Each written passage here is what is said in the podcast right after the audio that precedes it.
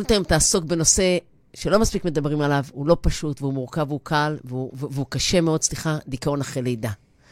מתארחות איתי שתי נשים מופלאות, אתם בטח כבר רואים. מתארחת איתי היום יאנה רוזנברג, שהיא מיילדת במשך 18 שנים.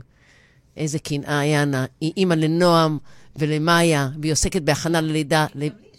עוסקת להכנה ללידה, לליווי רגשי בהיריון ואחר, ולאחר לידה, עיבוד לידה.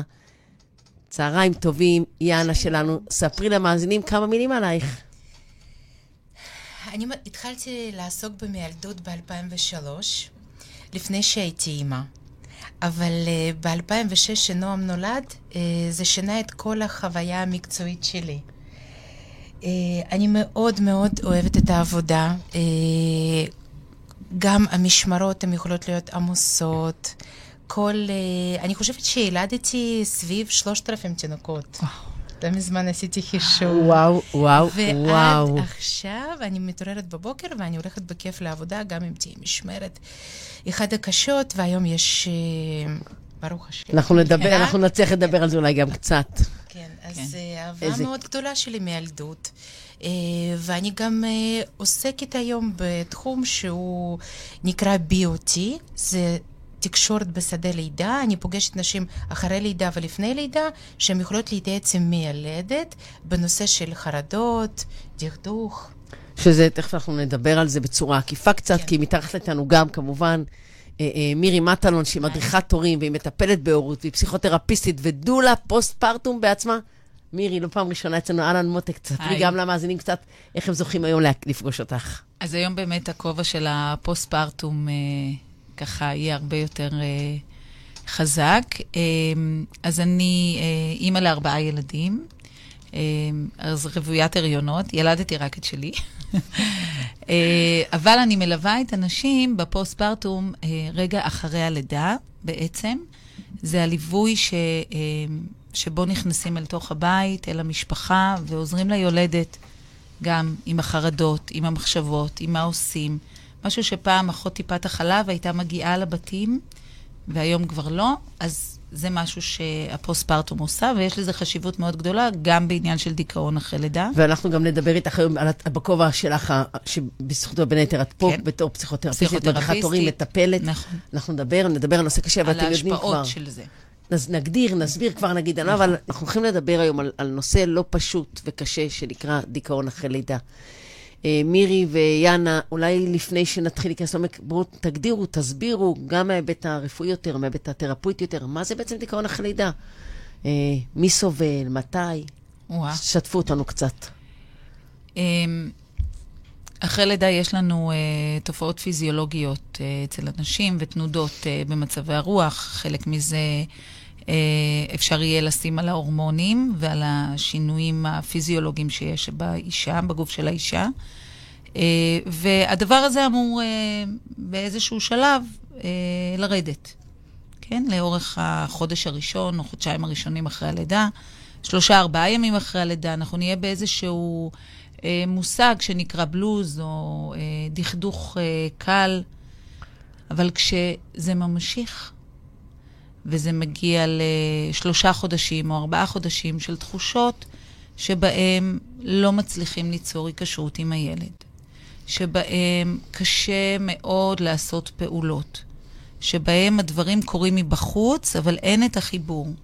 זאת אומרת שאנחנו נזהה על האימא שאין את המבט הוואו, המתפעל בעיניים. שהדברים הם מאוד טכניים, שההוויה, התנועה, פחות אכילה, אה, אנחנו נוכל להתחיל לחוש שיש פה תופעה של דיכאון, ולדיכאון צריך לטפל. פה אני, כבר אנחנו רגע, רגע, אני, אני רגע מבולבלת. אנחנו לא אמורות ללדת ולהיות נורא נורא מאושרות. כן. תעשי לי רגע סדר בדיוק, בעניין. בדיוק, אני, אני שנייה רוצה כן. להיכנס טיפה, לחזור mm-hmm. לחדר לידה, mm-hmm. ובדיוק מה שרציתי להגיד, שחלק מהבעיה מתחילה הרבה לפני זה. נכון. מאישה בהיריון יש המון ציפייה. ברגע שהיא יולדת, כולם מאוד מאוד שמחים. וואו, מזל טוב, את בטח מאושרת, נכון. ואיזה כיף. ואת צריכה לאהוב אותו. ואת צריכה, את חייבת... זאת האהבה הכי גדולה בעולם, בטח. ו... ואז אני חוזרת הביתה. והכל שחור. מה זה, אני, אני מתעוררת לא אחרי הלידה, אני, אני מתאוששת אחרי הלידה, והכל לא כואב לי ואני לא מכירה את עצמי. כן. כן. אז נגיד על הימים האלה, עוד איכשהו יש איזושהי נורמליזציה, אנשים אומרים, אבל אחרי כן. חודש או חודשיים, מצפים ממך... אז, אז בואו נחדד. דיכאון אחרי לידה, שנגדיר אותו קלינית, נאמר אחרי שלושה חודשים, אנחנו צריכים לדעת לדבר עליו עוד הרבה לפני כן. זאת אומרת, עוד לפני נכון. הלידה, הגיוני שנגיד לאישה, תקשיבי, אה, אה, אה, את הולכת ללדת, מעבר לשמחה הגדולה, את תחווי עוד המון רגשות לא פשוטים, פיזיים ורגשיים. נכון. כן. אוקיי. נכון. בגדול הדיכאון מתחיל אם התופעות הרגילות והמקובלות לא חולפות תוך שבועיים. אוקיי, זאת אומרת, אז... בשבועיים הראשונים הגיוני שאני אהיה סוערת, יעלה, כן, ירד, כן, אוקיי, כן. זה מה שאתה אומר. ואם אחרי שבועיים אני מרגישה, או הסביבה שלי מרגישה, שבעצם אני אה, לא מתחילה לעלות על איזשהו מסלול סביר, נאמר, כן. צריך להתחיל להרים אוזן. זו תופעה נפוצה, תופעה אה, אה, נדירה? כמה? מי? מה מו? זו תופעה נפוצה, אבל... אה, אני חושבת שכ... 12 אחוז, בין, בדיוק, כן. של היולדות, עד הם, כדי כך. הן מגיעות קליני. לעניין של הדיכאון הקליני. זאת אומרת, 2 מ-10, שזה המון. נכון. וזה לא מדובר, מגיעות לדיכאון קליני. נכון. הבנתי. זאת אומרת, בעצם, אנחנו אומרים, מי צריך לשים לב לזה? האישה, המשפחה, החברות? זה מתחיל הרבה לפני זה. אני כמיילדת יכולה לזהות סימנים שיכולים להדליק למנורות אדומות. כן, תספרי יש לנו. יש נשים, אה, קודם כל הגורמי סיכון.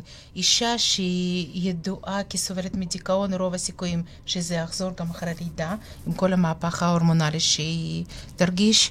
נשים שהן אה, עוברות טיפולי פוריון, נשים אה, אפילו סכרת. הריון יכולה להיות גורם סיכון. אני... שלא נדבר כבר על לידות לא פשוטות. זה גם תלוי איך הלידה עברה, זה תלוי אם התינוק נולד פג, אולי לידת תאומים. בעצם כל אישה יכולה להיות אה, חשופה לזה. חשופה כל לזה. אישה. נכון, אז רק אני רוצה לחדד, דיכאון אחרי לידה הוא תופעה פיזיולוגית. היא לא תופעה חברתית התנהגותית. זאת אומרת, נכון. אם אנחנו מצ... זה משהו גופני פר סה. נכון. אף אחד לא אשם. אף אחד לא אשם, נורא חשוב להגיד. בדיוק, זה מאוד ש... חשוב. זה משהו כימי, נכון. ולכן זה משהו גופני פרסה, זה לא קשור ל... ל... ל... בהכרח למשהו חיצוני. נכון זה משהו מאוד. גופני מבפנים שנובע. ו... ואת הגופני, אם יש אחרי הלידה התנהלות תקינה, זאת, ותכף אנחנו נדבר על מה צריך להיות, מהם התנאים הטובים ליולדת אחרי הלידה, אפשר לצמצם משמעותית את ההתפרצות של הדיכאון, ואז באמת זה יכול להגיע אה, למצבים שבהם יש גם שילוב של, אה, של הנפש, או דברים שהם שייכים בעבר, תגידי לנו, בואי בוא תרחיבו בזה, זה נשמע לי מאוד חשוב. אז בואו נסתכל רגע על היהדות שלנו, ל, לרגע אחד קטן, ובה מדובר באמת על 40 יום של משכב יולדת. כלומר? שזה אף אחת לא... אני ילדתי ארבע פעמים, אני לא קיבלתי משכב יולדת. 40 דקות קיבלת. 40 דקות יאללה לחיים. ממש. אבל זה אומר שלא עוזבים את היולדת, שנמצאים שם, דואגים לגוף הפיזי שלה בבייסיק, דואגים שיהיה לה מזון נכון לאכול. דואגים שיהיה לה פסיליטיז, שתהיה לה מיטה נוחה, שהיא תוכל לשבת. היא הביאה חיים לעולם. זה, נשים מביאות חיים, צריך לעטוף אותן, כדי שהן יוכלו לעטוף את הילד שלהן. אם האישה, קשה, אם היא לא מחובקת, היא לא תחבק. זה יהיה לה קשה מאוד ו- לעשות את זה. ובגלל שהיום כבר אין שבט. נכון. אני לא יכולה רגע להעביר לך את התינוק וללכת לנוח. למשל, לא או לעשות פיפי. איך הנהגת, נכון. ואז יכול להיות שלא יהיו לו שאלות, ואני נכון. אדע שזה, ככה עושים את זה. בדיוק. היום אין את זה, אני יוצאת הביתה, אני אמורה להיות חטובה, יפה, מאוהבת, אחרי לידה. השבט הוא באינסטגרם. ואין... ויש רשתות יופי, אז אני, אני גם כן אחדד, כי זה דברים נורא חשובים. אתם אומרים בעבר, אישה ילדה בתוך התא המשפחתי, חיו כולם ביחד, הייתה עזרה, כולם נכון. ראו אותה, כולם נתנו לה, הקלו עליה. אה, הכירו בה. הכירו בה, הכירו בה כמי שעשתה, הכירו את ההון שהביאה חיים, נתנו לה מרחב, יכולה הייתה להתגבר גם על העוצמות הרגשיות שהיא חווה, וגם נכון. אולי על השינויים ההורמונליים. היום את יולדת, את אחרי יום מגיעה הביתה, תוך 24 שעות בבית, יש לך עוד ילד, שניים אולי בבית. אחרי שלושה. חודשים חוזרת לעבוד. לעבוד עדיין, אה, אה, ואיזה שלב... לעבוד, היא עוד לא יצאה מהלידה והיא כבר צריכה לעמוד מול אנשים ולעבוד עם חיוך שמח. של אני אימא. אבל אני רוצה להגיד משהו על החיוך השמח. ויאנה אמרה, מצפים ממך שברגע שגמרת ללדת, תשמחי נורא. נכון. למה אנחנו לא נורא שמחות? הבאנו חיים, ובאמת, סחבנו תשעה חודשים, ואיזה כיף שרואים ונוגעים ומריחים. למה אנחנו לא באמת נורא שמחות? כי כואב לנו, כי איבדנו משהו, כי החיים הקודמים שלנו נעלמו. כי רצינו מאוד מאוד משהו, וזה לא בדיוק זה. לי יש סיפור קטן, משהו שבאתי ליולדת אחרי לידה, אה, והראיתי לה שצריך לחתל, התינוק עשה אה, קקי, ואני אומרת לה, הוא עושה קקי, בואי אני אראה לך איך מחתלים. והיא שכבה, והיה לה מבט כזה צלול, בעין, אה, ריק כזה ריק. בעיניים, והיא אומרת לי, אה, זה גם עושה קקי? כי בתמונות, כן, כי בתמונות זה רק... כן. זה מתוק. התמונות הן נורא יפות, אבל זה גם עשה קקי בדיוק כשהצטלמתי כן. ככה. וצריך לעשות פה משהו, צריכה להיות פה פעולה, שהפעולות הן לא אסתטיות, הן לא יפות. הגוף כאוב, דימוי הגוף שלנו נפגע, ההליכה שלנו נפגעה, הדרך שבה אנחנו נסתכל על בן או בת הזוג שלנו. Uh, הכל שלא נדבר גם על האחריות המטורפת שנופלת עלינו. ממש. אני טוענת אם אני אימא מספיק טובה, כן. אני מזינה טוב את התינוק שלי, גם ההרכב ההנקה הוא הרבה פעמים יכול להיות גורם סיכון לדיכאון. נכון. אם לא הצלחתי להעניק, יש לי כאבים. אמ, איך אני, איך אני לא מצליחה להזין את התינוק שלי. אז תגידו, איך אנחנו עושות את זה פעם שנייה ושלישית ורביעית, מירי, יקירתי? מה קורה שמה?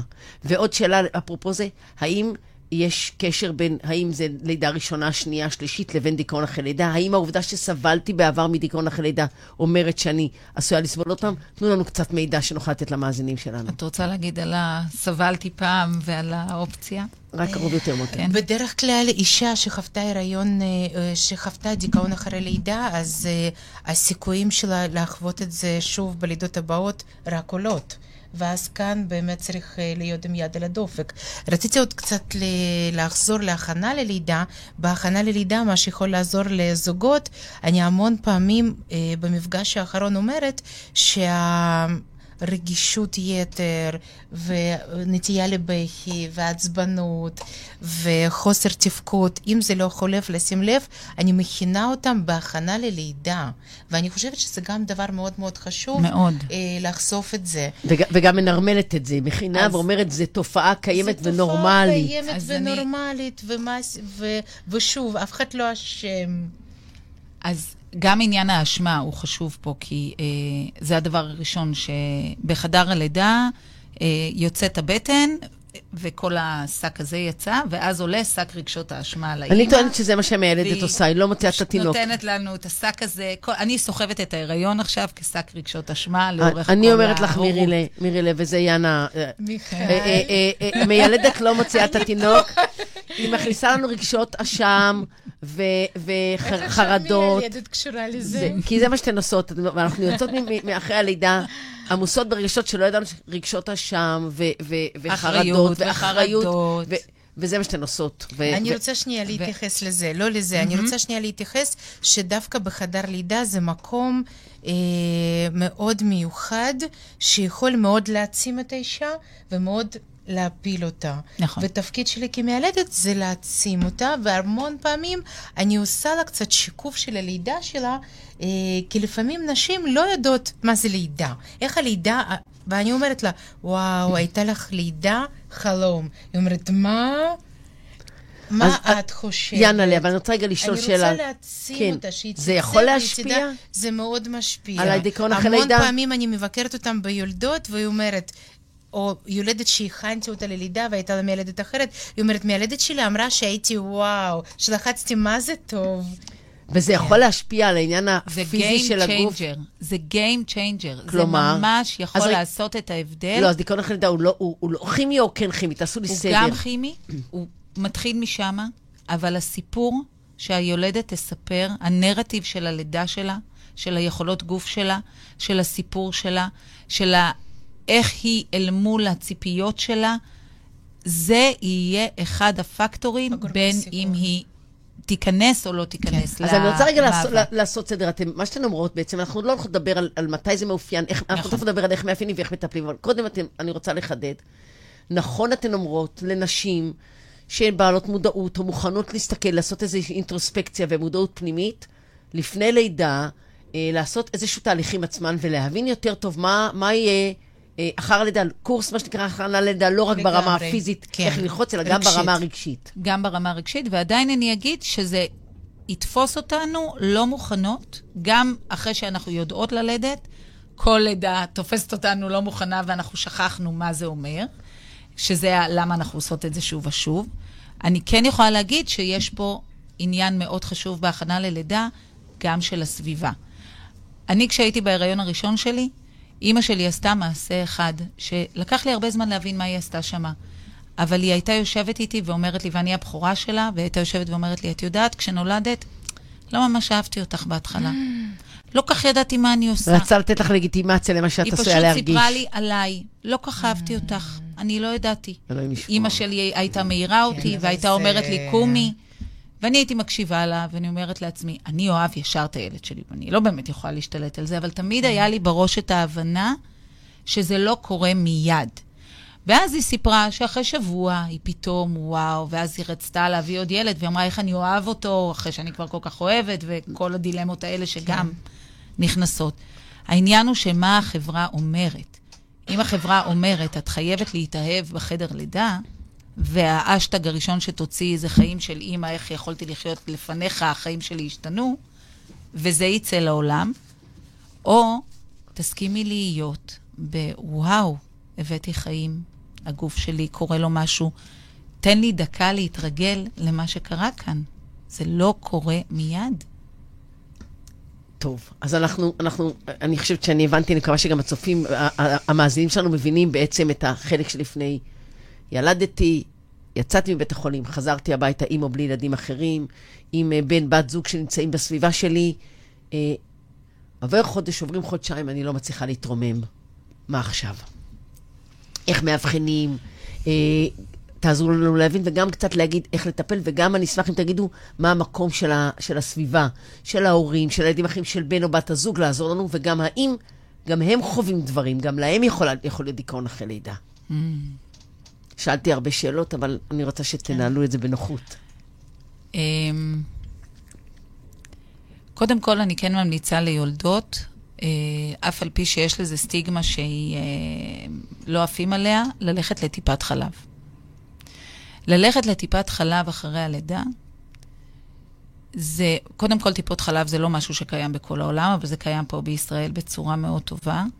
מעבר לביקורת על איך הילד שלי גדל, לאחיות טיפות החלב יש את הסנסורים לחוש על האימא, אם יש פה משהו, והן יודעות לעשות הפניות. זאת אומרת, כבר שם יש מישהו רפואי, גורם רפואי, שבאופן תדיר, אחת לשבוע, אחת לשבועיים, פוגש את היולדת. וזה חשוב. זה אני, דבר... אני מקווה שזה השתנה מאז שאני ילדתי. Mm, כי דווקא כן. החיות של טיפת חלב, לי זה כן לא... גרם להפך, להרגיש לא טוב. Mm. אם uh, היה פחות מקום. ל... הוא מאוד עלה במשקל, למרות שאין כזה דבר בהנקה. נכון. אבל עדיין. אה, והרגשתי שאין לי שיחה איתם, וכן הייתי מדוכדכת, והרגשתי אשמה על כל דבר. כל הגעה לטיפת החלב גרמה לי להרגיש לא טוב, ועם הילדה השנייה בכלל לא הלכתי. אני, אני, אני מכירה סיפור אבל... גם עם, עם, עם בדודתי שהגיעה עם בנה הבכור. אה, והוא לא היה לבוש מספיק חם לדעתה של האחות, והיא שטפה אותה, היא אומרת, תקשיבי, אם לא הייתי בחורה חזקה, היא גם בעצמה באה מעולם כן. הטיפול, היא אומרת, היא הייתה שוברת אותי. אז אבל אנחנו ננסה להיות אופטימיות, כן, להגיד, כן. שבעצם גורם רפואי שרואה אותך... גורם רפואי שרואה אותך באופן תדיר, שרואה את הדבר, אחת מהסיבות שאני שומעת פה שאתם אומרות, זה איזושהי הימנעות, כי אז יראו לי. כן, יראו לי מה קורה. אחות טיפת החלב רואה את הקשר בין האימא לילד, היא רואה את, ה, אה, את העניין. זה שאנחנו משליכים על זה, כן אמרה לי להלביש או לא אמרה לי להלביש, זה המשהו הפנימי שלנו. בשני, את סיפרת עכשיו שלא הלכת בכלל. ו... כן. את חווית משהו, אה, ואם היה שם אחות, אולי היה משהו אחר. אם הייתה שם אחות עם רגישות להבין. אני לא סומכת על האחיות שהיו אצלי. בטיפת חלב. כן, במקרה זה אנחנו... לא כן. אני רוצה, מירילה, אני רוצה להגיד איזשהו מושג, שאת כן. מזכירה אותו בצורה עקיפה, את ויאנה. מדברות עליו, אני רוצה לדבר, להגיד רגע משהו על מה שאנחנו קוראים לזה attachment, על התקשרות. נכון. שבעצם יש מושג בעולם הפסיכולוגי שמדבר על החיבור הזה שנוצר ולוקח לו, אנחנו מבינות עכשיו, זה לא נותר ברגע שהתינוק יצר, לא. לוקח לו זמן להתפתח בימים, בשבועות, בחודשים הראשונים. יש איזשהו חיבור רגשי משמעותי שנוצר בין האימא לבין התינוק, אנחנו קוראים לזה attachment או התקשרות, שבעתיד אנחנו יודעים שיש לו משמעות ומעיד על טיב היכולת הרגשית של הילד להתפתח. זאת אומרת, נכון מאוד. אם נוצר שם קשר של ילד שמרגיש שיש שם הורה קשוב, אה, אה, נוכח, מבין מה עובר עליו רגשית, עובר מה עובר עליו פיזית, מזהה מהבכי שלו, אני מציינת את זה כי חשוב לנו להגיד שזה חשוב לילד, ואם האימא מרגישה שהיא במקום שאין לה את היכולת, היא לא מתחיל להתפתח אצלה המקום הזה שמזהה סימנים ומבין את הבכי ואת התנועות של הילד, שתבין שזה מידע עבורה שכדאי לה לעשות עם זה משהו. נכון, וגם שהיא לא מצליחה להחזיק את זה בתוכה, לווסת. לווסת את, אה, את הרגשות של הילד. בעצם שהכל נבלע ביחד. מה זאת אומרת, תינוק בוכה והאימא מרימה ומארסלת ו... והוא נרגע, זה הכלי היסודי, נכון. שבעתיד הוא ידע להרגיע את עצמו. בדיוק. זאת אומרת, משם זה מתחיל. כי ואנחנו... ככה הוא לומד איך אפשר לעשות את זה, אבל אם הוא בוכה והיא בוכה איתו בהיסטריה, נכנסת איתו לתוך המערבולת הזאת, אז הוא לא יודע אחר כך איך עושים את זה. כן, אבל בואי, בואי נחדד. זה לא הבכי של האימא, האימא מותר לה לבכות. נכון, וגם אני רוצה להגיד... אימא צריכה לבכות. אני, אני, אה, אה, גילוי נאות שהבן שלי הבכור היה בן עשרה ימים, והרגשתי שאני לא מצליחה להרגיע אותו, התקשרתי לאחותי, שהייתה כבר עם הוותיקה, ואמרתי לה, אה, עידיתי, הוא נורא נורא בוכה, אז היא אמרה לי, וגם את? אמרתי לה, כן. אז היא אמרה, אני באה, ובן הזוג שלה החזיק אותו על הידיים שעה וחצי, חיבק אותו, והיא חיבקה אותי, זאת אומרת, יש לנו גם רגעים כאלה בחיים, כן. זה בדיוק זה. וזה היכולת שלך לשתף. היה לי רגע של משבר, לילה הייתי עייפה, מותשת. ו- ו- ואת מביאה פה משהו אני חושבת שהוא ה basic הכי הכי חשוב. נשים, אנחנו לא סופרמניות. עלינו לדעת לבקש עזרה. תקני לי, תביאי לי, תבואי, חיבוק, לדבר את זה, לבקש את זה. אנחנו, כל אחת רוצה פה להחזיק שאני אה, ענקית מהחיים ומצליחה לעשות את זה. אנחנו לא מצליחות לעשות את הכל. אני בדיוק רציתי להגיד נקודה מאוד חשובה, שהמון פעמים אני מכינה את היולדת, אני אומרת לה, תכיני את החברות שתוכלי להתקשר אליהן ברגע הזה. נכון. מי החברה הזאת שאת תתקשרי אליה לשתף שלא טוב לך? כי זה, יש רגעים שמאוד לא טוב, נורא קשה. לי קרה אותו דבר בגיל שמונה ימים של נועם, בכי, בכי, בכי, בכי. התקשרתי לרופאת ילדים, היא ספציפית הייתה מאוד חמודה, באתי והיא אמרה, כואבת לו הבטן, וזה בסדר. אני חשבתי לנסוע למיון. כן. אוקיי. כן, אז וזה זה, כיף. שיש מישהי כזאת שיכולה כן. לבוא, כן. אחות ו...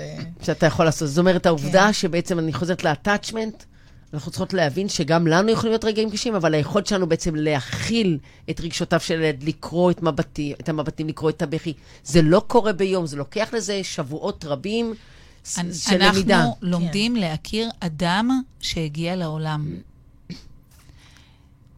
זה מפגש. כשאת אומרת את זה, זה נשמע, נכון, יאנה, יש למירי יכולת להגיד את זה כן, בס... זה... אדם הגיע לעולם. בשפה כל כך אה, אה, עסיסית. מאוד יפה.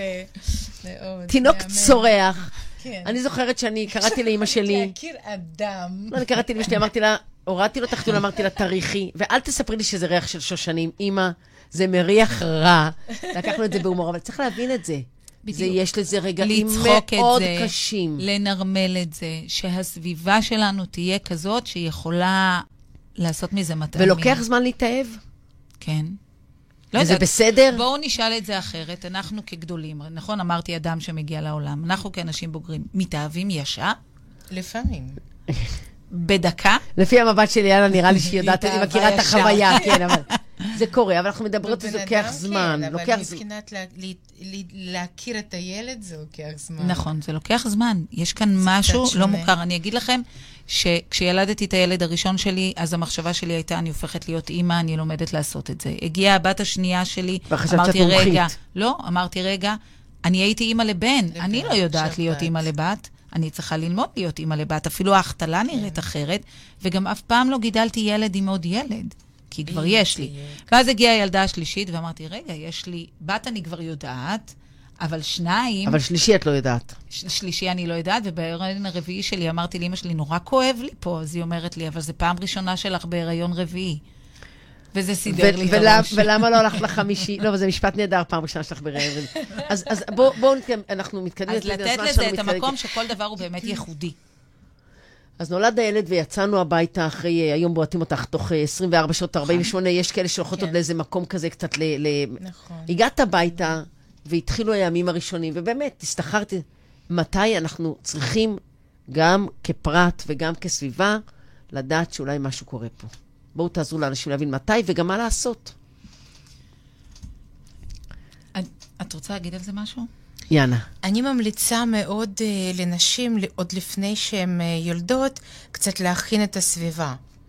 להכין אוכל, לדעת ממי תבקש מה, מה יהיה, מי יעזור לה. אני תמיד ממליצה על שעה ביום בלי התינוק.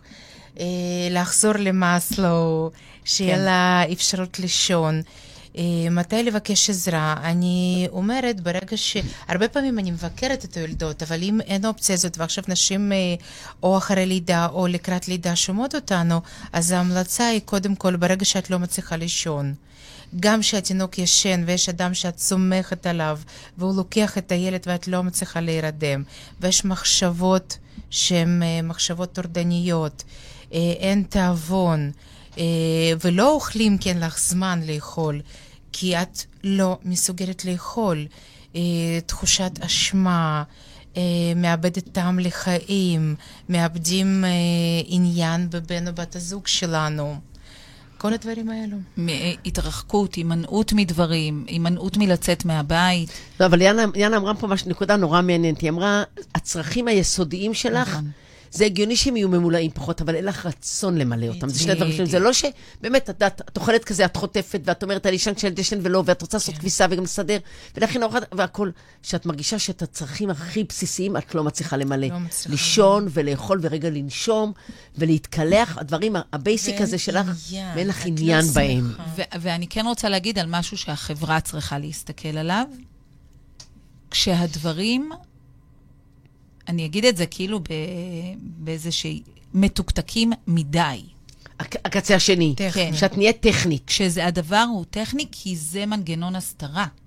שלא יראו את זה שהילד שלי יהיה לבוש הכי יפה, הכי נקי, הכי... אני עושה את הדברים כאימא הכי טובה שאני חושבת שהיא צריכה להיות, אבל אין את ה... את אומרת, ה-attachment הזה, אין את ההחזקה הזו. אז, אבל את אומרת פה משהו חשוב שאני חושבת שאתן יכולות להרחיב, ואני אשמח לשמוע גם איך יאנה רואה את זה. אתן מדברות על בושה. מירי, את אומרת בעצם בטח. בושה והסתרה. בוודאי. למה? מה? מרגישים אשמה מאוד גדולה, כי הציפייה שוב של העולם שאני אהיה שמחה. אני אימא, אבל זה נולדתי דרך כלל נורא תינוק, משמח. את ילדת, תינוק בריא ואת בריאה, מה את רוצה? מה את רוצה יותר את- מזה? תגידי מה את תודה. רוצה יותר תגידי מזה? תודה, תגידי איך תודה. את, אה, המון פעמים גם אה, מאוד קשה לי לשמוע מהצד את ההקטנה של התחושות שלנו. יש לך בעל כזה מהמם? איך יכול להיות לך דיכאון אחרי לידה? הוא גם יכול להיות בדיכאון אחרי לידה, לא? גם. הוא עוד- ממש יכול להיות עוד רגע בדיכאון נגיד על אחרי זה, אבל לידה. אני אומרת, בואו נרחיב. אל תסתירו, אל תתביישו. זו תופעה נורמטיבית, היא באחוזים מאוד מאוד מאוד גבוהים. מאוד גבוהים. תרימו את העיניים, יש סביבכן המון נשים שעברו את זה. נכון מאוד. גם יתרה מזאת, אם זה אחת, אם זה 20 אחוז, זה אומר שמי שילדה ארבע לידות שלך, ושתיים שלך, ושתיים שלי, אנחנו בסטטיסטיקה, פה בחדר אנחנו בחדר בסטטיסטיקה. בסטטיסטיקה. אז, ודוקטור אה, זיתונים הייתה רציתי- מצטרפת אלינו, היינו בכלל בסטטיסטיקה. רציתי להעלות נקודה, אה, בגלל שזה רק ארבעתנו שומעות אותנו, אה, אותי, אז אה, לא יצאתי עם זה מהארון. אני חושבת שאולי רוב האנשים, לא סיפרתי את זה, אוקיי. אבל אני כן רוצה לספר את זה, כי יכול להיות שהמקרה שלי, שאני בתור מיילדת, ובתור לידה שנייה שלי, ובתור מישהי שאני מלווה נשים, חוויתי אה, דיכאון אחרי לידה שהיה בעקבות שלחברה שלי שילדה איתי באותו יום, התינוק שלה אה, הפסיק לו הדופק. לידה שקטה. לידה שקטה. אלוהים היא עברה. לידה שקטה, בהיריון ראשון ושני שלה ילדנו ביחד וטיילנו ביחד ותכננו ביחד את ההיריונות הבאים, אז לי נולדה בת והבת שלה לא נולדה. אוי, נמצמר בראש. והיא באה לבקר אותי, אה, אני ילדתי, היא אמרה, אני אהיה איתך כל היום, היא באה, הביאה לי מתנה ונעלמה. ושתינו... היא כבר הייתה אחרי הלידה? לא, לא. היא הייתה בהיריון. היא הייתה בהיריון. היא הייתה בהיריון בשבוע 39, ואני ילדתי בשבוע 39. היא באה לבקר אותי, והיא אמרה, אני מהלילה לא מרגישה תנועות, אני יורדת לאולטרסאונד. שתינו עובדות בחדר לידה. היא גם מיילדת. היא הייתה מזכירה רפואית שלה. מזכירה רפואית, אוקיי. כן. היא ירדה והיא לא חזרה. עכשיו, אני מבינה שקרה אסון. את מבינה כי את מהעולם הזה. כן, אני מבינה שבן אדם בא לבקר אותי ולא חזר, כנראה שקרה משהו. אבל אני לא רוצה לחשוב על זה, כי אני רוצה עכשיו להיות בשלי. ויש פה פתאום שתי יאנות. פיצול. אחד, אני אמורה להיות שמחה, ו... ובשני, אני מבינה שאני לא רוצה עכשיו לחשוב על זה. נכון. ו... ואז uh, באה חברה uh, מאוד טובה שלי, שהייתה הכי הכי אמיצה. לכול, מכולם, כי אף אחד פחד להגיד לי את זה, אבל היא פחדה שאני אשמע את זה במסדרון, ו... והיא אמרה, ו... והיא באה אליי, והיא אמרה את זה ל... לבן זוג שלי אז, לאבא של הילדים שלי, ש... היום היא הבת הזוג שלי, הבת הזוג שלי היא מיילדת. אז mm. היא אז לקחה על עצמה את ה... להגיד את זה. להגיד את זה, ועד היום אני זוכרת את זה. היא באה לספר לך. היא באה לספר לו שהוא יספר לי, כן. כן, סיפרה לו ש... כי אף אחד לא, כן. הוא אמר שלילדה של טניה לא, לא היה דופק. והוא אמר לי את זה, אבל גם בגלל שהוא לא מהמקום, הוא אמר את זה ב... בפחות רגישות, ועד היום אני זוכרת את המשפט הזה. כן. ואת חושבת שזה היה טריגר. זה הטריגר. זה היה טריגר. זה היה טריגר. אז אני, אני רוצה רגע להגיד, להגיד משהו, כי אני, לא נעים להגיד לכם, הזמן שלנו פשוט רץ, אני כבר בדיכאון לפני לידה, אבל אני בדיכאון. אני רוצה רגע להגיד משהו שהוא נורא, נורא חשוב. קודם כל, הזכרנו פה מושג מאוד מורכב, שזה לידה שקטה. נכון. ואנחנו נגיד שזה בעצם בסוף ההיריון נולד תינוק. ממש בשל, אבל ללא דופק וללא רוח חיים, וזה בעצם לידה שקט, רגילה, שקט אמיתית. שקט בחדר הלידה. שקט בחדר הלידה. לידה רגילה ואמיתית. זאת אומרת, האישה עוברת את כל התהליך נכון. של הלידה, את כל תהליך ההחלמה, אבל אין לה את ה, את ה, כן. אחרי זה את הילד לגדל. זה אירוע מאוד קשה. מאוד. זה גם דבר שקורה, אה, עוד פעם, נרים את הראש, זה קורה סביבנו באחוזים גדולים לצערנו הרב. גדולים. וזה לא תלוי באימא. זה לא תלוי במה היא אכלה או מה היא שתתה בזמן ההיריון, כן. זה משהו שהוא הרבה יותר מורכב, אנחנו לא ניכנס לזה. כן. וגם... אז אה, לא זיהיתי אה, איפה אני נמצאת. קודם כל, אה, מאוד תמכתי בה, ובעצמי הייתי אימא, והיה לי עוד ילד. מתי שמתי לב שאני לא בהתחלה, בסדר? אוקיי, בהתחלה יצאת ותפקדת.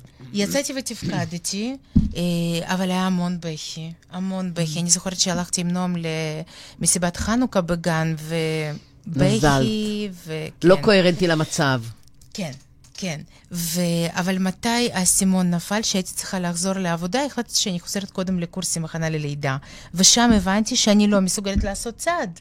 פשוט באתי לעבודה, ראיתי פעם ראשונה את החדר לידה, כי גם באתי לבקר אותה בחדר לידה, בלידה שקטה שלה, שאני בעצמי אחרי לידה. ואז הכל התחיל ליפול עליי, אמרתי, מה, כולם שמחים פה, ולנו בעצם קרה אסון, אבל מאז עברו כבר ארבעה חודשים. אנשים התקדמו, אני מרגישה שאני לא התקדמתי. מצליחה לזוז. ואני לא מצליחה להיכנס לחדר ולהעביר הכנה ללידה בצורה תקינה, שיש לי משהו שאני לא יכולה לספר להם.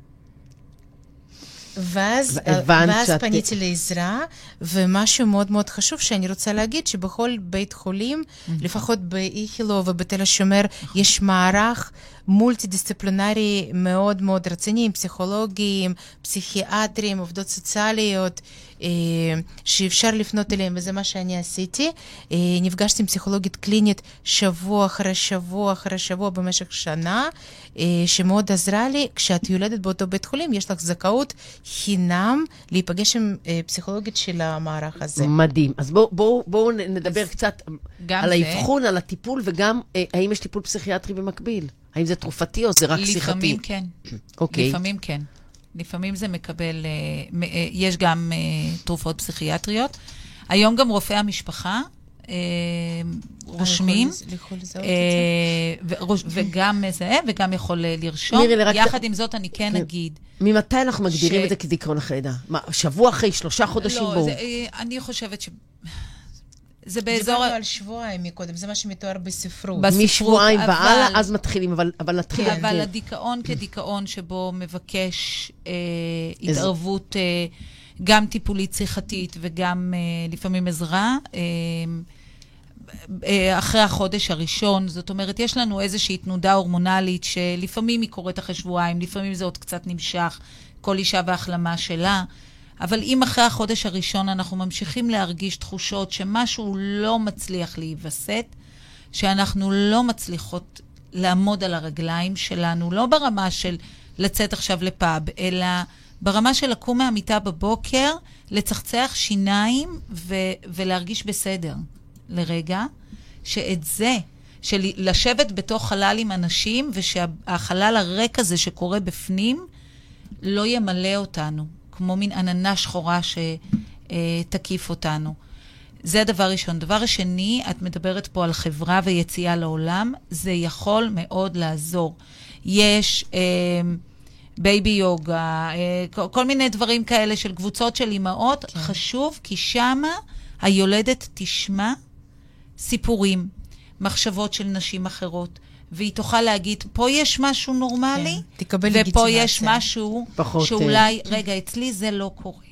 רגע, אצלי את זה עוד לא חוויתי, והיא תוכל לעשות איזושהי אה, הסתכלות. אנחנו עושים את זה עם הילדים שלנו אחר כך בהורות, אבל אפשר להתחיל את זה גם בגילאים צעירים. ליווי, נשים שייכנסו הביתה, אוכל, לשמוע, לשמוע, לשמוע כמה שיותר. ולאבד את סיפור הלידה שלנו. ואם אני, בואו בוא נתקדם, ואם אני באמת מבינה, לצערי הרב, שאני, או אני חושדת שאני סובלת מדיכאון אחרי לידה, לפנות לעזרה. לפנות לעזרה, okay. אוקיי. גם עזרה של שיחה, אה, כמו שהיא אמרה פה, הייתה לה פסיכולוגית קלינית, אבל פסיכותרפיה, נשים שעובדות בזה.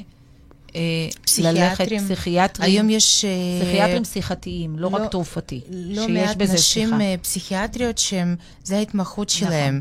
אה, טיפול לנשים סביב הריון ולידה. כן, כי זה לא אותו דיכאון כמו... כמו הדיכאון הקליני נכון, המוכר. נכון. הוא יושב על הרבה דברים אחרים, גם על דימוי גוף, גם על תחושות הצלחה. זה טיפול ארוך? זה עובר? זה אומר ש... זה עובר. זה עובר? מה? כמה זמן צריך להיות טיפול כזה? אני חושבת שזה מאוד אינדיבידואלי. כן. אוקיי, לא... כן. מה זה, זה לא אומר? זה לא קצר מועד CBT. זה לא קצר מועד, אבל לא, זה לא. כמה חודשים של טיפול, כמה וזה... חודשים. זה עובר? כן, לפעמים גם כך... עזרה תרופתית יכולה כן. מיד לתת מענה לזה. נכון. ואחר כך כן... כי בגדול, כן, כן ההפרעה ההורמונלית, ברגע שזה מסתדר, המון פעמים, אה, נגיד דווקא נשים מניקות, זה כן אה, מוריד סיכון נכון. לדיכאון אחרי לידה, בגלל הפרולקטין שהן מפרישות. ו... וההורמונים. זה יכול לעזור. לפעמים אפילו טיפה, אני, מה שאני רוצה להגיד ולהעביר אה, מסר לנשים, לא לפחד מטיפול תרופתי. זה, זה נקודתי, שיכול... זה קצר זה מועד, זה לא לכל החיים. נכון, וזה לא אומר שום דבר. יש, אנחנו יושבות פה ברדיו. אחד מה... פסיכואנליטיקאים, אני חושבת שכל מי שיש בו נגיעה של הורות או ילדים אה, מכיר בתוך תוכנית רדיו שלו בלונדון, אדון ויניקוט היקר הטביע אה, מושג שהוא אחד המושגים הכי חשובים לדעתי בהורות, אימא טובה דייה. Good enough mother. בדיוק. ובתוך תוכנית רדיו להגיד את המשפט הזה, זה... לא, לא, אני אומרת, כן, נכון. הפנטזיה אנחנו, שנהיה אימהות מספיק טובות, אנחנו הכי טובות שאנחנו יכולות באותו רגע. לאותו ילד. ולאותו ילד. זאת אומרת, לא עלינו, או גם קרה, חבית, כשהיא לקבל עזרה, היא יכולה להיות תרופתית, היא יכולה להיות שיחתית. ניאנה עוד אומרת, הטיפול התרופתי יכול להיות אפילו לתת... קצר ומאוד, קצר ומאוד ממוקד. זה לא אומר על עתידך כלהיות אישה דיכאונית, זה לא אומר על עתידך ביחסים עם הילד. נכון. יאנה, אני יכולה לשאול שאלה אישית? איך היחסים הם עם נועם? זה מיה. זה היה מיה. עם הבת, סליחה. עם הבת. אמ, אני חושבת שמה שעזר לי גם בהמשך, עם השיחות אה, בגיל, עד גיל שנה שלה, אה, יותר עזר לי לחזור לעצמי להיות אני ולהיות מיילדת. שם היה לי קשה, היה לי קשה לחזור לחדר לידה, ואחר כך הרגשתי מאוד מאוד אשמה שלא הייתי איתה. זה עלה בגיל הרבה יותר מבוגר שלה, ועבדתי על זה עם פסיכולוגית שלי שכבר לא הייתה קשורה לאחרי לידה. אה, היחסים מהממים, אבל הייתי צריכה להשקיע בזה. אני הרגשתי שלא הייתה לה אימא ארבעה חודשים. ואז הרגשות אשם. אין, אין... אז עשינו אמבטיות ביחד, ועשינו גבס ביחד, וכל מה שקשור לגוף, ואנחנו סופר קרובות. אוקיי, זה, זה נורא אופטימי וזה נורא... אבל זה כן עלה לי... שזה מהמם. שבליווי נכון ובטיפול אנחנו יכולים לטפל גם בהיקשרות וגם בזה. נכון שזה כאילו... כן, כן, טבוע נכון. באדם, אבל אפשר לבסס היקשרויות בטוחות דרך העבודה. אני ממש הרגשתי שיש לי בת מהממת. אני חושבת שרגע הכי מאושר בחיי זה היה בסקירה ראשונה בהיריון שני שאמרו לי שיש לי בת. כי זה היה חלום, רציתי שתהיה לי בת, ולא ידעתי שנמצא שני ילדים. אז, והנה יש לי בת, והנה אני, ואני לא מרגישה. מה שאני אמורה להרגיש. נכון. ואז הגעתי אליה ו... מירי, עוד רגע, משהו קצר, זמננו קצר, רוצה לשאול משהו. איך זה טס ככה? אני הבטחתי לך שאלה. בני בנות זוג שלנו, אחרי שילדנו, גם הם יכולים לסבול מדיכאון אחרי לידה? ממש יכולים לסבול מדיכאון אחרי לידה. הורמונלית, רגשית, מה? רגשית. כלומר? וגם, את יודעת מה? עייפות. כן, גם הורמונלית. אני הרבה פעמים שומעת שאני מרגישה שאני ילדתי. אה, כן. ויש גם uh, הרכב של ציפייה. נכון. עכשיו, אני ילדתי, איפה שתיח אדום.